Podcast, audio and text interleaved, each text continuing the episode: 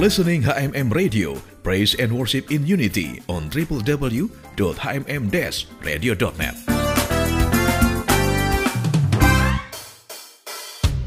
Sobat HMM, maraknya penyalahgunaan narkoba terutama oleh generasi muda saat ini sangat membahayakan keberlangsungan hidup bangsa ini di kemudian hari. HMM Radio sesaat lagi akan menghadirkan bincang GMDM, sebuah program hasil kerjasama radio HMM dengan Bakornas GMDM, Badan Koordinasi Nasional Gerakan Mencegah Daripada Mengobati. Selamat mengikuti.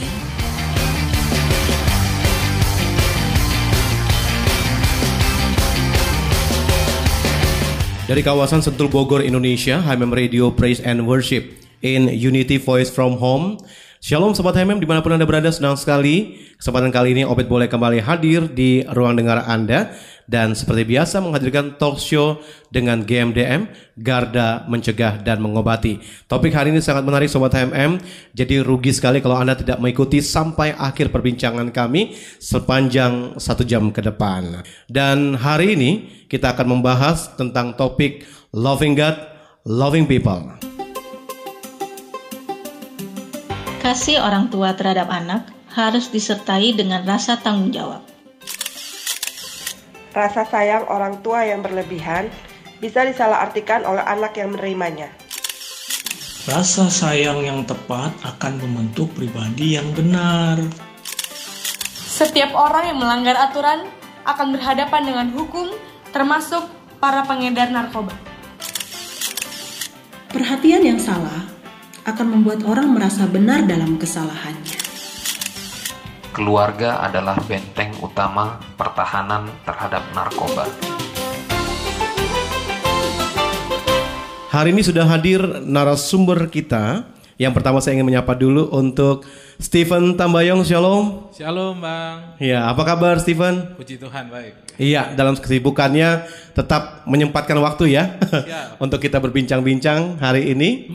Dan juga bersama uh, Stephen gak sendirian, ada Bung Ibob. Shalom Bung Ibob. Shalom Pak Obed. Puji Tuhan. Yes. Kita boleh berjumpa ya yes. di hari ini. Dan uh, hari ini kita akan bicara mengenai loving God, loving people. Mengasihi Tuhan berarti juga bukti nyatanya harus mengasihi sesama. Bagaimana kita bisa mengasihi Tuhan kalau kita tidak mengasihi sesama? Tentunya itu menjadi tolak ukurnya ya. Dan Sobat HMM saya ingin bacakan dulu firman Tuhan sebagai dasar perbincangan kita di hari ini diambil dari Matius 22 Ayat yang ketiga tujuh bilang begini, jawab Yesus kepadanya, kasihlah Tuhan Allahmu dengan segenap hatimu dan dengan segenap jiwamu dan dengan segenap akal budimu. Nah, saya coba ke Stephen dulu ini. Ini kan firman Tuhan ini ngomong seperti ini, kasihlah Tuhan Allahmu. Nah, karena kita berbicara mengenai narkoba, nah saya ingin tanya ini, untuk pemakai narkoba ini loh, apakah mereka ini bisa dikatakan tidak mengasihi Tuhan? Karena mereka akhirnya ya melakukan hal yang kalau secara manusia bilang dosa lah begitu ya. Betul, betul. Nah, gimana nih tanggapan Jadi Stephen? kalau menurut aku ya bang ya, maksudnya tentang bagaimana lihat anak-anak yang menggunakan narkoba ini, kalau kita bisa lihat pasti orang akan melihat mereka kan jauh daripada Tuhan, itu udah pasti. Tapi memang yang kita harus ketahui juga, memang kan uh, dimensi kita mengasihi Tuhan, Tuhan mengasihi kita ini kan istilahnya ya secara dalam diri kita, tapi yang kita butuhkan juga adalah kasih dari orang-orang sekitar. Karena itu sangat penting ketika kita bilang Tuhan mengasihi seseorang ya harus dimulai dari diri kita juga. Ketika kita bisa mengasihi orang lain dan kasih itu yang paling penting. Ketika kita memberikan kasih itu udah jadi dasar yang sangat baik. Kebanyakan anak-anak pengguna narkoba yang kami tanganin pasti nomor satunya broken home. Hmm. Broken home dan otomatis pasti kekurangan kasih sayang hmm. dari orang yang terpenting di dalam hidupnya adalah orang tuanya itu sih hmm. kebanyakan jadinya Tuhan pasti kan mengasihi kita bisa melalui orang tua kakak ya. adik saudara-saudara dan dia kehilangan itu hmm. jadinya banyak yang menggunakan narkoba sih bang jadi sebenarnya mereka hmm. karena kehilangan kasih betul dan mungkin juga mereka tidak mengerti nih bagaimana mengasihi Tuhan sedangkan betul. mereka juga tidak, tidak mendapatkan kasih, kasih. ya kan begitu ya betul, ya jadinya betul. ya Nah, itu yang menjadi tanggung jawab kita sama-sama hmm. untuk mengembalikan itu kan. Hmm. Nah, kalau Bung Ibob sendiri nih, bagaimana Bung Ibob ini? Untuk anak-anak narkoba ini yang sepertinya kehilangan kasih dan akhirnya mereka tuh tidak mengerti bahwa Tuhan itu sebenarnya mengasihi mereka dan akhirnya mereka pun tidak mengerti bagaimana mengasihi Tuhan gitu. Betul sekali. Jadi memang eh, yang Stephen katakan itu hal yang umum, lumrah, harus dilakukan oleh anak-anak Tuhan. Kalau mereka mengasihi Tuhan, ya mengasihi sesama. Tetapi sebaliknya bagi mereka mantan pecandu atau pemakai narkoba ini itu yang mungkin Pak Obed tugas kita mentor uh, mungkin bisa dikatakan um, pembimbing yang atau uh, konselor yang ada mengarahkan mereka bahwa mereka bisa juga mengasihi sesama mereka orang tua bapak ibu kakak adik dengan cara tadi berhenti pakai narkoba. Nah, itu bukti bahwa mereka bahwa dia mengas mereka mengasihi keluarga atau orang yang mereka cintai. Betul. Tapi nggak gampang Pak Obed karena kita tahu si tahu karena kadang-kala bukan kadang-kala karena sudah pengaruh zat adiktif itu, pengaruh obat-obatan itu membuat mereka kadang-kadang mungkin seperti lemot ataupun juga nggak nyambung ataupun mungkin kayak koslet seperti itu loh. Stephen langsung ngomong betul karena itu faktanya Pak Obed. Iya. Jadi kalau memang kalau dalam materi ini sisi yang utama memang dari kita pihak keluarga yang mengasihi mereka, tetapi kita juga berharap mengajar mereka, membimbing mereka untuk juga itu dia. itu dia Pak. Jadi memang begitu. Jadi selama ini kan kita selalu membahas nih, kita yang harus lebih memberikan pengas apa rasa kasih kita kepada mereka pemakai narkoba karena mereka korban, benar ya. Nah, karena mereka korban, kita harus berikan per- perhatian. Nah, tetapi kan kita juga maksudnya begini. Makanya saya tadi sempat nanya kan, apakah mereka ini juga mengerti bahwa eh, sesungguhnya orang-orang sekitaran mereka pada saat mereka sudah selesai direhab nih, orang-orang sekitar mereka tuh sungguh mengasihi mereka. Supaya mereka juga maksudnya ada apa timbal baliknya. Ya kan? Bahwa iya gue juga mengasihi keluarga orang tua orang-orang sekitar. Nah itu yang mungkin harus kita angkat supaya para pemakai narkoba atau mantan-mantan ini tidak kembali lagi begitu. Nah makanya ini yang saya tanyakan. Nah tadi sempat juga disebutkan di firman Tuhan kan mengasihi Tuhan segenap hati kemudian segenap akal budi begitu kan? Nah sedangkan kita tahu kan pemakai narkoba ini seperti Pak Ibob tadi bilang sempat lemot. Nah apakah mereka bisa gitu mengasihi dengan akal budinya? Nah kira-kira gimana tuh Bung Ibob? Ya saya jawab. Jadi ya kita kembali kepada suatu kebenaran firman Tuhan bagi Allah kan tidak ada yang mustahil. Nah kita lihat puji Tuhan di GMDM ini teman-teman dilayanin banyak yang dipulihkan. Kita selalu katakan dipulihkan, betul ya bro ya, dipulihkan dan puji Tuhan mereka kembali eh, normal. Bahkan ada salah satu klien atau residen yang dilayanin. Kemarin di hari, hari ayah nasional, hari ayah nasional itu ada videonya tampil ayah hadir, ya kan? Betul ya Pan ya.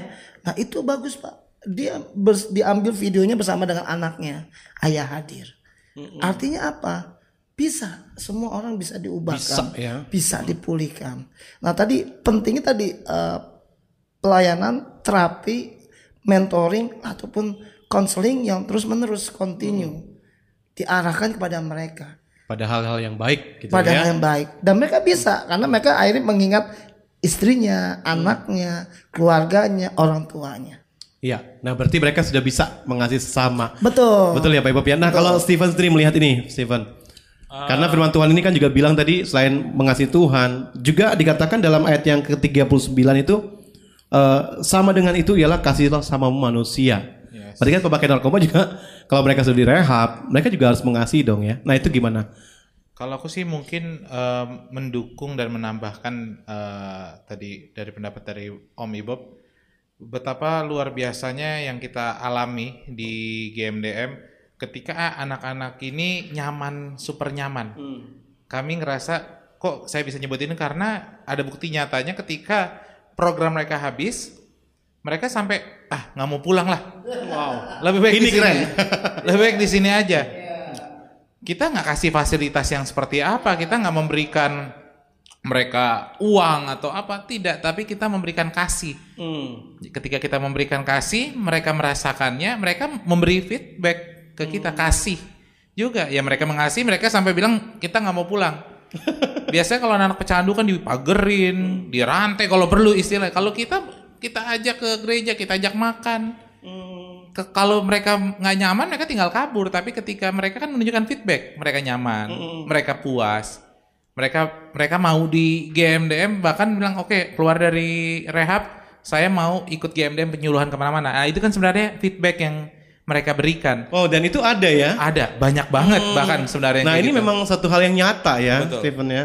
Kalau saya lihat tadi ajak mereka ke gereja, ajak mereka makan, sepertinya tidak ada perbedaan maksudnya Yes. antara yang Ah. membina mereka sama yang dibina gitu ya. Betul. Seperti menganggap mereka sebagai keluarga gitu, betul, ya Stephen ya? Betul. Nah, padahal saya tadi sempat mau nanya juga nih, cara apa nih yang supaya mereka ini merasa ya akhirnya mereka sadar gitu loh bahwa mereka ini adalah orang yang dikasih. Nah, tadi kan sempat Stephen sebutkan ya ajak ke gereja, ajak makan, lainnya lagi ada nggak? Jadi sebenarnya poinnya mereka kan sering dapat stigma. Kebanyakan pecandu yang akhirnya relapse atau makai lagi adalah orang-orang yang kena stigma ketika dia balik ke lingkungan, ke keluarga, stigma itu nggak bisa hilang. Mantan pecandu. Sebenarnya stigma ini kan yang memang udah dari dulu nih yang kita keluhkan. Kayak misalkan Indonesia sangat budaya banget yang punya tato, stigmanya kayak gimana orang udah Iya. takut. Nah ini sama juga pecandu narkoba. Banyak sekali stigma yang nempel dalam diri mereka. Barang-barang bisa barang-barang diumpetin. Pulang malam udah ditanyanya di waduh udah bukan main. Bagus sebenarnya menjaga tapi stigma itu yang akhirnya buat mereka nggak nyaman. Oh, gua lepas dari nar- narkoba, stigmanya masih ada kok. Akhirnya itu sih menurut aku poin utamanya kita bisa merubah mereka. Kita bisa bahasanya memulihkan bukan menyembuhkan Iya. karena sembuh itu karena mereka kesempatan relapse itu sampai kapan pun. Kembali Mereka- lagi gitu kembali bisa laginya ya. itu bisa. Makanya kita bisa bilangnya pulih. Nah, ketika mereka bisa pulih, poin utama kita bukan kasih fasilitas, bukan kasih pengamanan super ketat, tapi kita berani meyakinkan mereka tentang arti kasih. Tentang arti kasih ketika mereka dapat kasih, pasti mereka berubah. Karena bagi aku pribadi ya, bagi aku pribadi yang paling penting tuh dalam hidup kasih sih. Kasih ya. Uang, harta atau apa pun nggak bisa menukarkan arti kasih itu aja. Nah, sebelum kita lebih lanjut dengan topik kita Loving God, Loving People, kita mau dengarkan dulu satu pujian berikut ini. Di dalam kasih ada kehidupan. Setiap orang yang memahami hal ini pasti hidupnya akan berdampak. Hidup hanya satu kali. Jangan mengakhirinya dengan kesia-siaan. Untuk itu, jauhi narkoba. Pilihlah pergaulan yang tepat agar hidup kita berdampak. Pemakai narkoba yang sudah pulih harus terus disupport agar kehidupannya berdampak.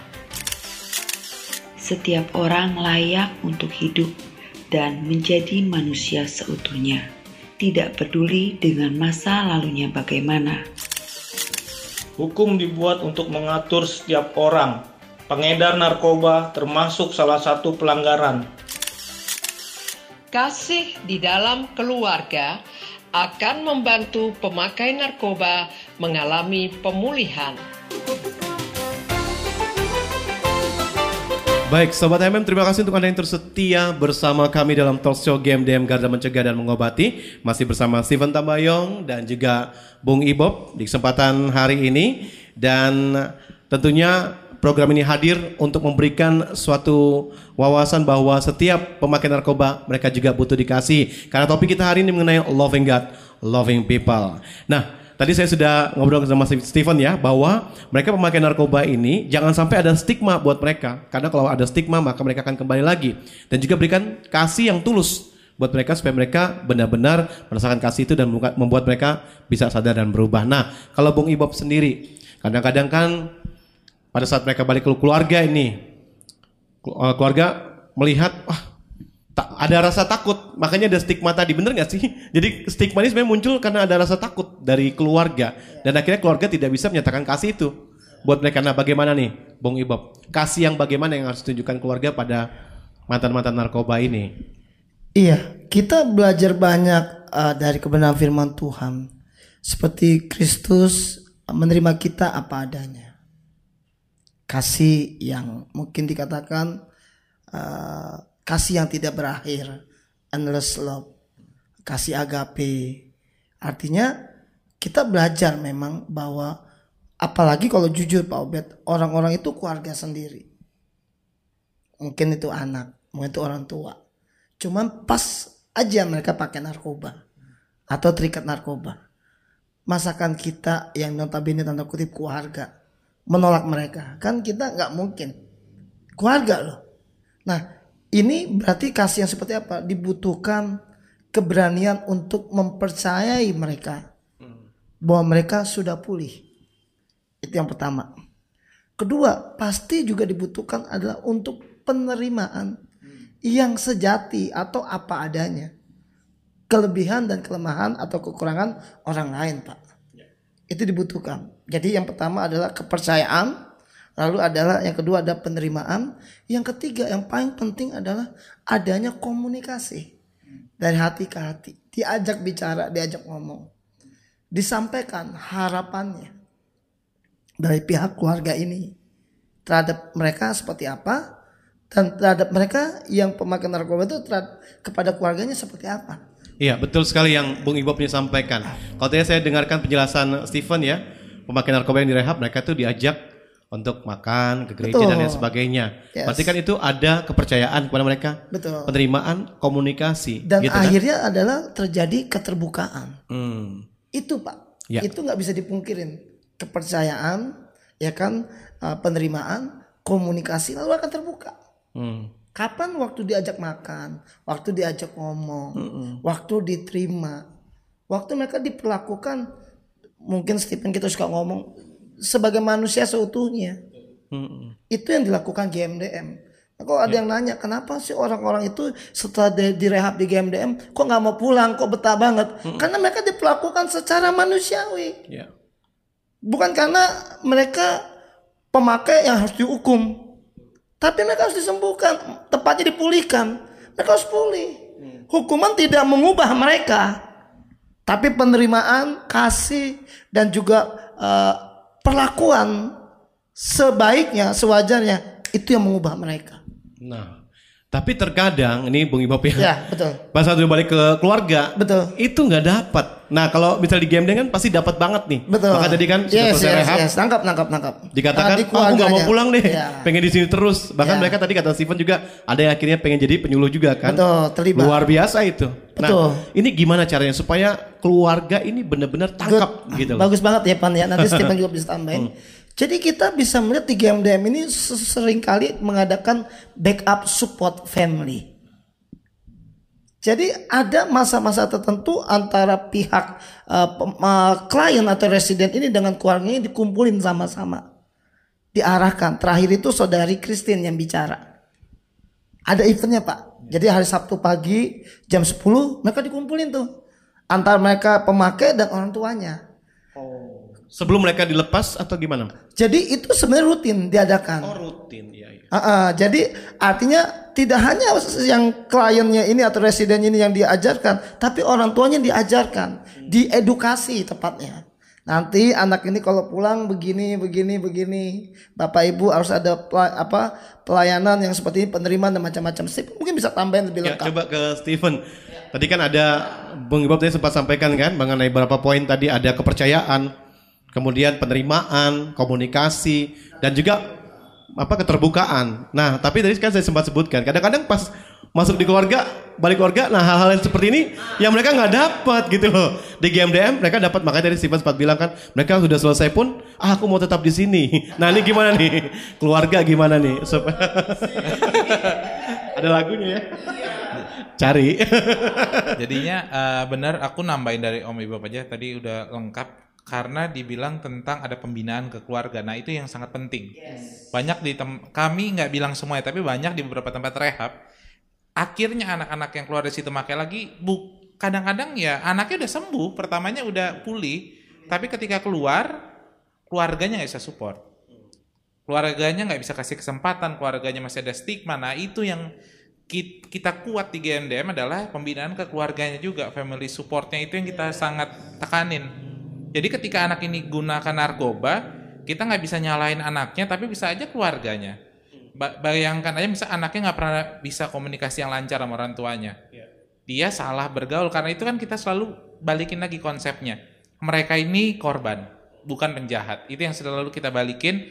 Jadi mereka butuh eh, kita sebagai seseorang yang bisa men- menasihati tentang kasih dan kita bawa keluarganya juga masuk ke dalam situ. Kita jadi bukan memulihkan orangnya tapi kita juga memulihkan keluarganya. Jadi satu keluarga dong ya. Satu keluarga dipulihkan. Iya penting banget. Dan itu Crown ya yang melaksanakan itu ya. Crown ya ministry. Oh.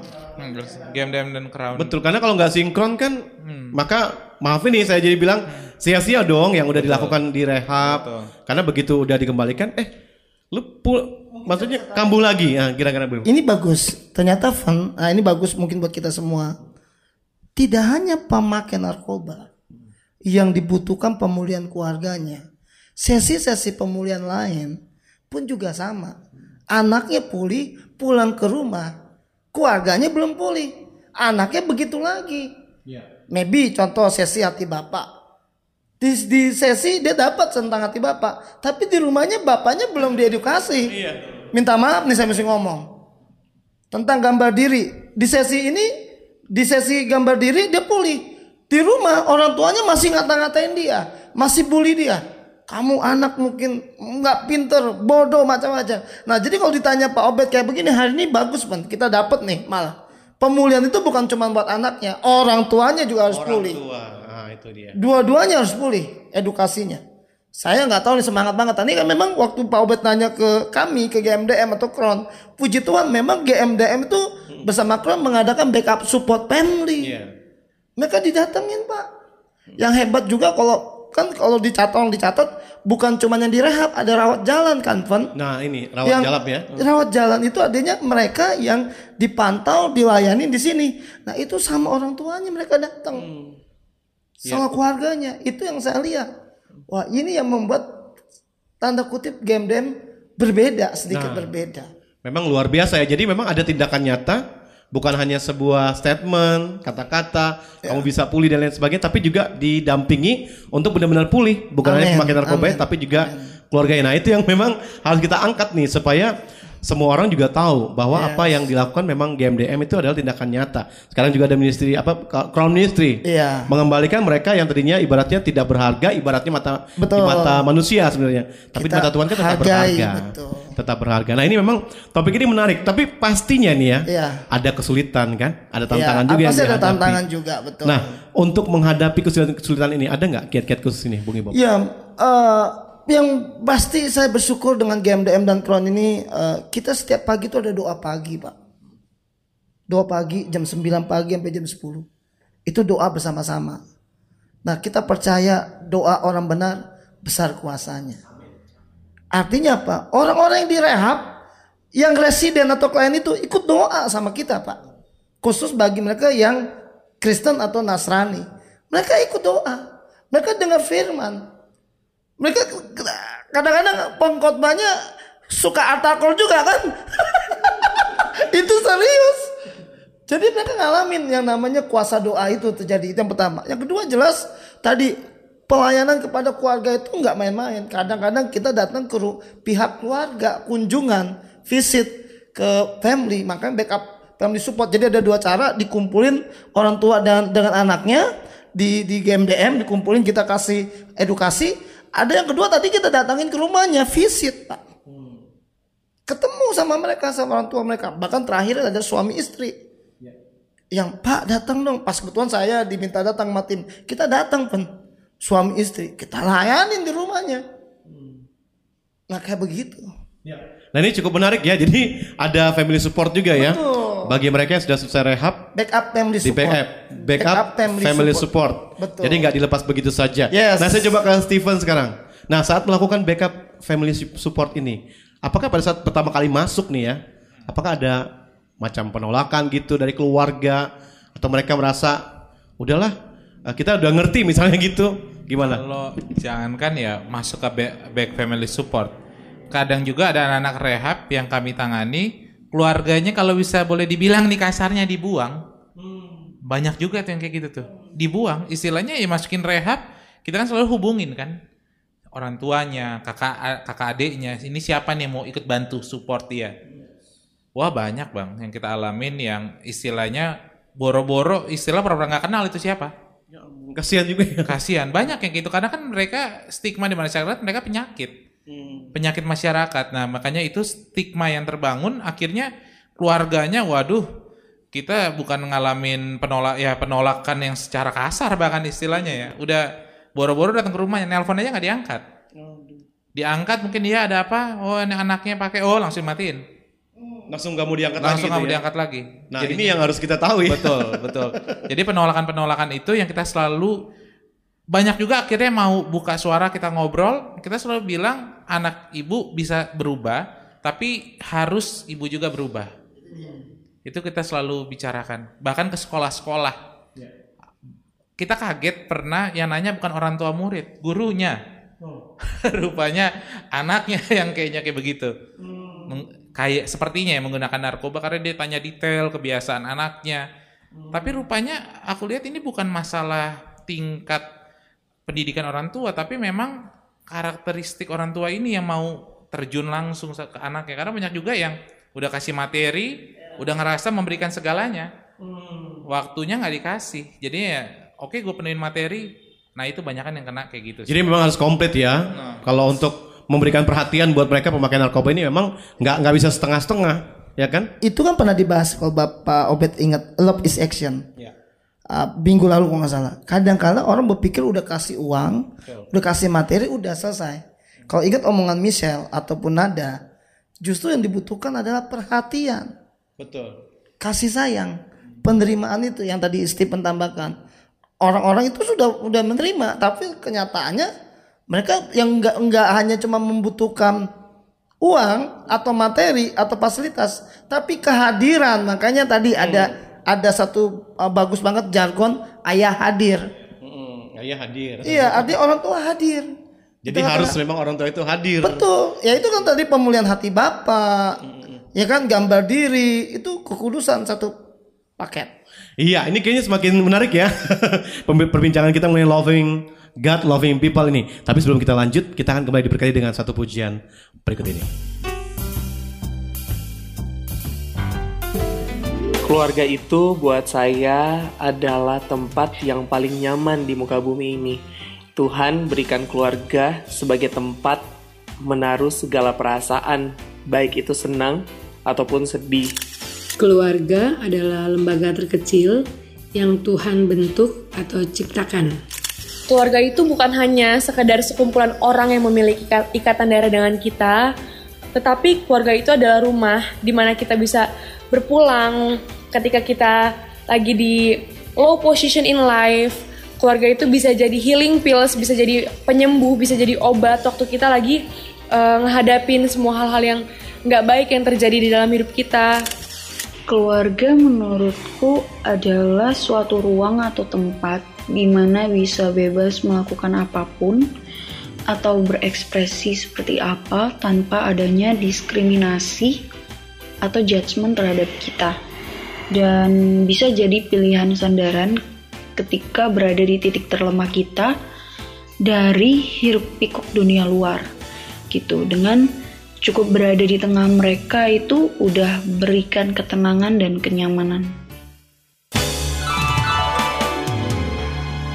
Baik, Sobat MM kita sudah berada di penghujung talk show kita dengan GMDM Garda Mencegah dan Mengobati membahas topik mengenai Loving God, Loving People bersama Stephen Tabayong dan juga Bung Ibob yang terus bersama dengan kami. Tentunya Anda juga bersabar ya Sobat MM.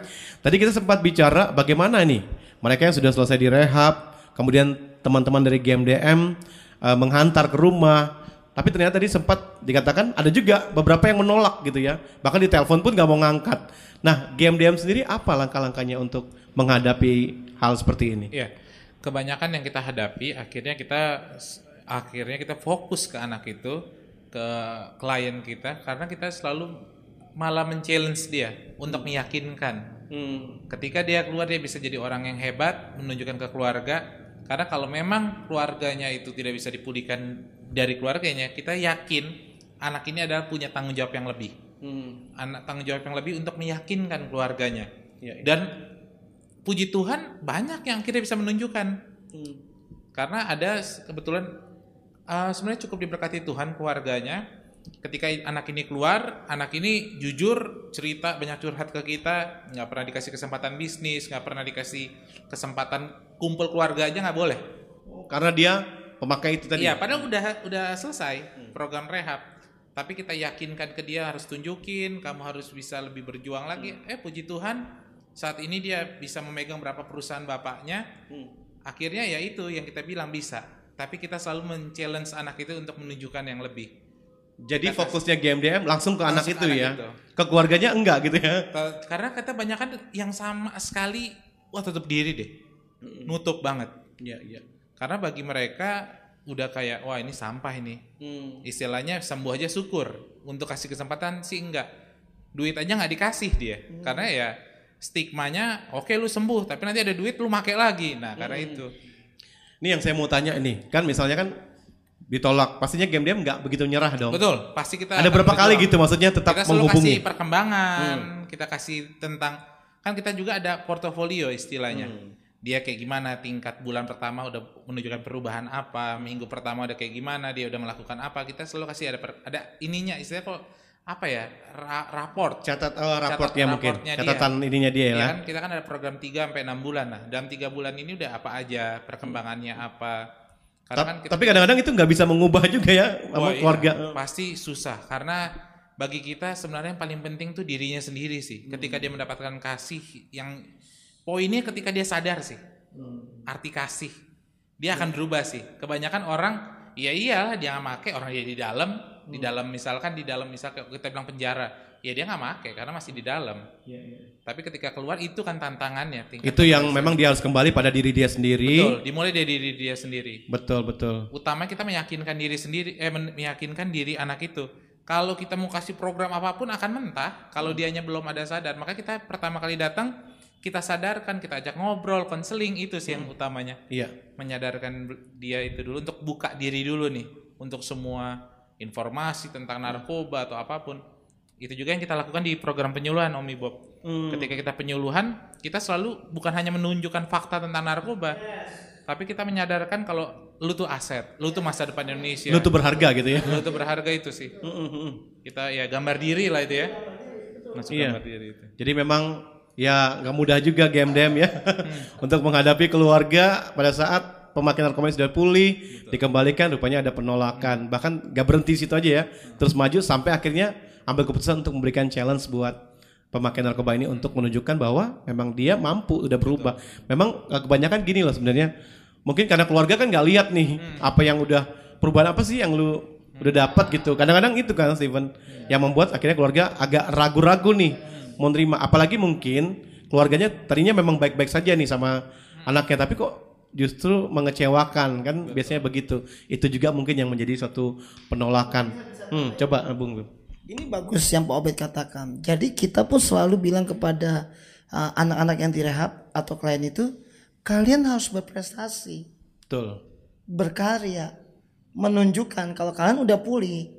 Ketika kalian keluar dari rehab udah pulih, kalian tunjukin dong kalian berprestasi apa? Salah satunya ya bekerja, berkarya, minimal usaha apa. Makanya di GMDM itu ada pelatihan-pelatihan, pelatihan servis motor, handphone, ada laundry, ada macam-macam.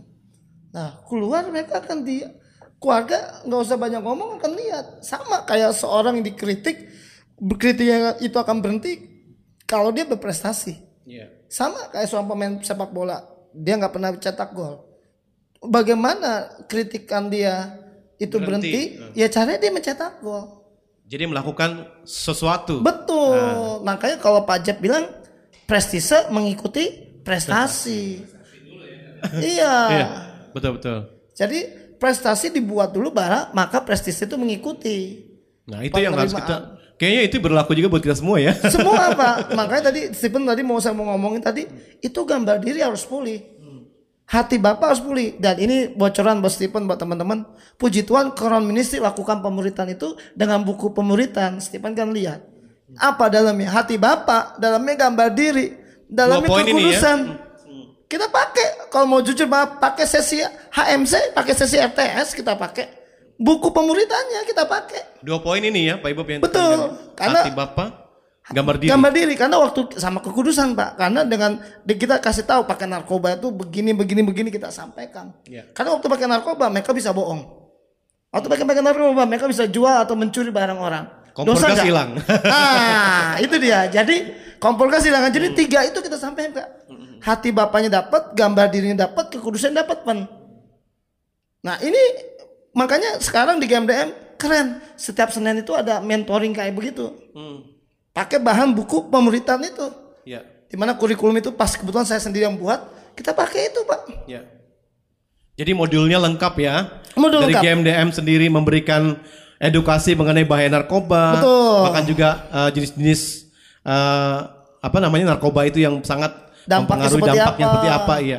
Di sisi lain juga Sisi rohani dibangun kita juga kasih. rohaninya, iya. Betul. Kemudian setelah itu juga dipersiapkan untuk bisa berdampak di luar. Betul, untuk Ya kan? usaha atau berkarya. Itu lengkap Nah, itu ini dia. GMDM. Nah itu yang dahsyat yang memang ini pendengar HMM jadinya tahu kan pergerakan GMDM Betul. ini luar biasa sekali. Tindakan kasihnya bukan hanya diomongkan, betul. bukan sampai kata-kata tapi juga Tindakan. nyata. Amin. Nah saya coba ke Steven, Pen, melihat teman-teman apa mereka yang sudah direhab, mereka ibaratnya mengerti nggak akhirnya bahwa hidup mereka itu juga harus mengasihi Tuhan dan juga mengasihi sesama. ketika kita melihat tolak ukurnya mereka mengasihi Tuhan dan mengasihi sesama, sebenarnya kalau gambar besarnya kami berani gimana ya bahasa mengklaim mungkin ya, mengklaim yang dari kacamata kami memang akhirnya berhasil karena yang kita tunjukkan sederhana kok. Kita melayani mereka juga, bukan hanya mereka melayani kita, kita saling melayani. Jadi nggak nggak jadi suatu yang aneh ketika kita misalkan ambilin piring, kita berbagi, ah, ini minum, ambilin minum. Kita benar-benar saling servis, kita saling apa? Anggap seperti saudara yang sebenarnya gitu ya. Kita Jadi tindakannya itu ya. Tindakannya itu Hmm. akhirnya yang dia bisa menunjukkan juga kepada kita. Akhirnya tingkat keberhasilannya kita ketika mereka eh, ke gereja beribadah, kita akan kita pantau terus dari cara beribadahnya juga mereka lebih sungguh-sungguh. Mereka bisa merasakan hadirat Tuhan, kita bisa lihat ketika dia ngobrol juga udah kelihatan. Istilahnya itu jadi kayak suatu kebahagiaan kita ketika melihat anak-anak ini akhirnya sembuh bagi kami ya, misal pulih dan Pulih. sembuh secara total bagi Total. kami. Iya, iya. Ketika dia bisa mengasihi sesama dan mengasihi Tuhan, karena Mm-mm. tingkat keberhasilannya itu sih. Iya, karena kan memang pasti teman-teman di GMDM lihat dari awalnya ya. Dari awalnya, Dia ya. masuk bagaimana saat dijemput. betul pertama kali jemput wah Hmm. pertama kali jemput ada yang kami alami dari ngamuk-ngamuk mau nuntut hukum Hmm. kebetulan ada juga klien kami yang orang hukum juga menuntut hukum waduh Hmm. tapi kita kita kita jamin dua bulan atau satu bulan lu bakalan ah, akhirnya nyata ketika Hmm. dua bulan kita ketemu wah udah seneng dia Hmm. puas Iya, iya. akhirnya itu sih bagi kami tingkat keberhasilan Jadi melihat wah ternyata berubah ya. Betul. Tadinya ngamuk-ngamuk eh sekarang lebih ramah mungkin ya. Lebih ramah.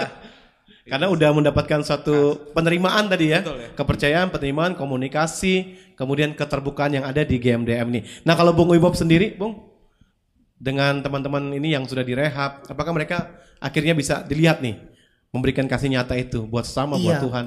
Yang saya lihat pen, yang saya ketemu juga pen, yang di saat ini di crown ini hadir, mereka betul-betul satu ada satu anak berkata gini, aku mau keluar dari sini, aku ingin jadi pengusaha, aku nggak mau nyusahin orang tua lagi. Kalau Stephen ingat anak ini empat kali masuk penjara, anak ini umurnya baru belasan tahun. Ketemu kita, kita layani dia ngomong, aku mau jadi pengusaha, aku nggak mau nggak mau susahin orang tua lagi. Dia kasih tulisannya dalam bentuk buku, tulisan catatannya dikirim di foto ke mamanya, mamanya nangis. ya. Itu fakta, itu real. Saya juga ngomong gini aja mau nangis. Real, konkret kita lihat. Artinya apa? Mereka sadar bahwa bed akhirnya. Tapi kan selama ini mereka nggak sadar pun karena tadi stigma buruk. Lu pemakai narkoba, lu nggak berarti, lu nggak berguna. Akhirnya dia, ya udahlah, gue memang nggak berarti nggak berguna. Tadi gambar dirinya rusak, hancur. Di sini dilayanin. Kamu berharga, kamu mulia, Tuhan sayang sama kamu. Kamu punya masa depan, masa depan sungguh ada. Itu yang kita sampaikan.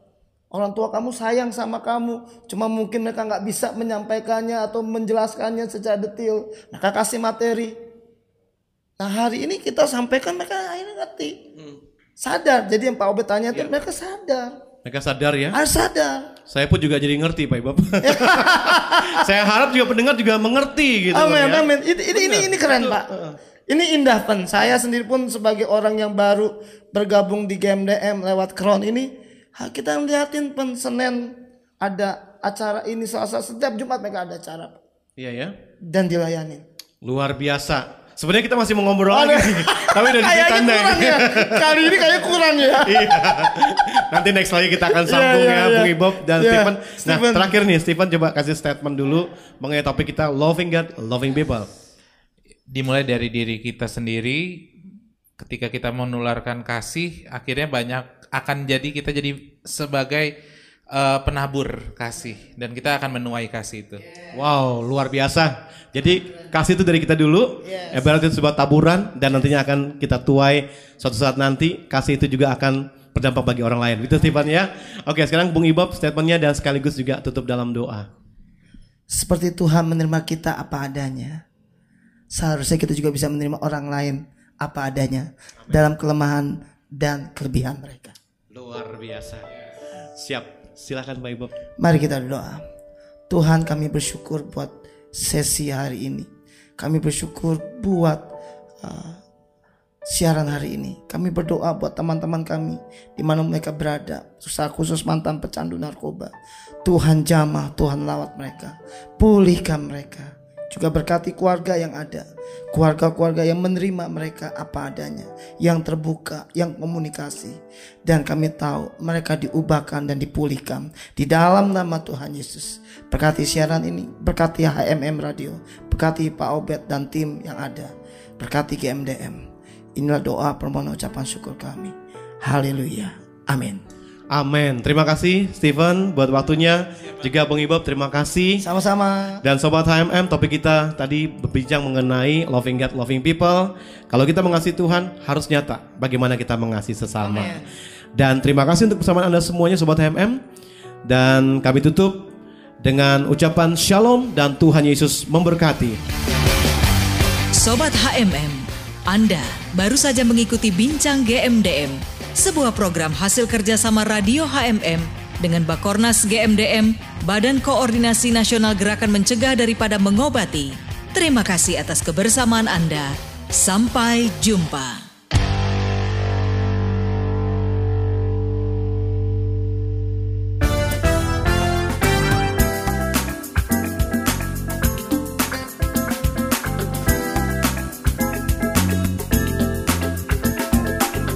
Listening HMM Radio, Praise and Worship in Unity on www.hmm-radio.net.